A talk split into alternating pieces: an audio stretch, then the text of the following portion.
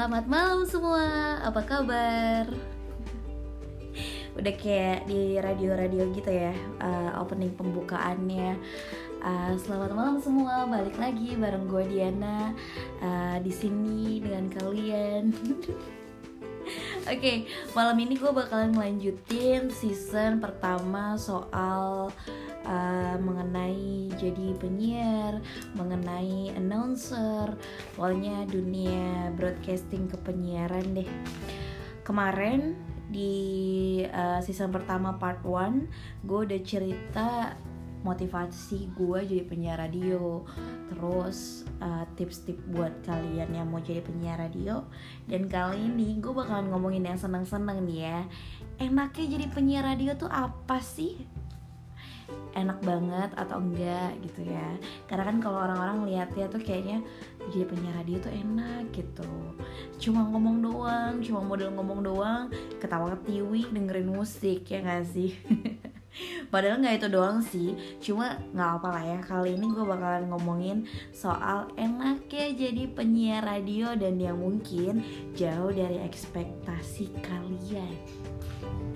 Atau enggak yang mikir jadi penyiar radio itu ah gajinya seberapa sih? Paling juga cuma uh, cukup buat makan nasi uduk seminggu.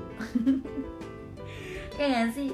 Oke, okay, kalau menurut gue yang udah pernah jadi penyiar radio, walaupun penyiar radionya gue abal-abal, nggak abal-abal juga sih. Cuma ya masih di taraf-taraf yang uh, di bawah-bawahnya si Kemal lah ya. Oke, okay, kalau menurut gue enaknya jadi penyiar radio itu adalah yang pertama, yang pastinya adalah nambah duit jajan lu dong apalagi buat kalian yang misalkan jadi penyiar radio itu pas lagi kuliah. Itu nambah banget buat jajannya. Nambah duit nambah buat jajan nambah buat kerjaan juga. Terus yang pastinya adalah nambah ilmu atau pengetahuan karena kalau misalnya lo jadi penyiar radio otomatis bakalan baca. Gue tahu anak zaman sekarang tuh males banget baca apalagi gue yang bacanya cuma baca handphone. Dengerin gue sih padahal paling seru ya daripada baca-baca berita yang gak jelas. Padahal jelas sih cuma kitanya aja yang gak yang males dengerin. Terus adalah ada fansnya. Udah kayak artis sih ada fansnya. Tapi bener loh ya jadi penyiar radio itu lu bakalan punya fans walaupun uh, fans lu nggak banyak. Tapi serius ada uh, pendengar setia lu itu yang bakalan setiap hari matengin lu. Lu siaran jam berapa dia bakalan dengerin lu. Ini pengalaman gue banget sampai gue aja tuh udah nggak uh, siaran lagi dia itu masih nanyain gue gue siaran radio di mana? Dia pengen dengerin gue siaran. Uh, dan sayangnya sih emang udah lanjut siaran jadi dia nggak dengerin gue siaran. Paling uh, gue bakalan kasih dia kayak misalnya podcast kayak gini nanti dia bakalan dengerin. Tapi beneran lo jadinya tuh bisa dapet fans.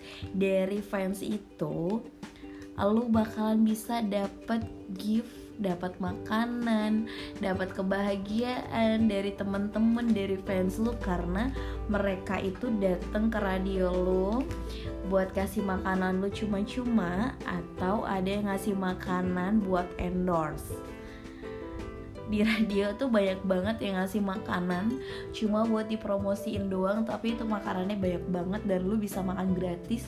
Lu pulang dari siaran tuh ya lo tuh udah kenyang perut udah enak tinggal tidur doang. Atau enggak kalau misalkan lo masih kuliah tuh pulang-pulang makanan bisa lo bagiin ke teman-teman lo itu aja di Purwokerto coy. Gimana kalau lo di Jakarta di radio yang gede otomatis tuh makanannya lebih banyak juga ini kayak motivasi gue buat jadi penyiar radio bukan buat jadi penyiar ya lebih ke pengen makanannya karena kalau udah cerita makanan tuh kayak semangat banget nggak sih?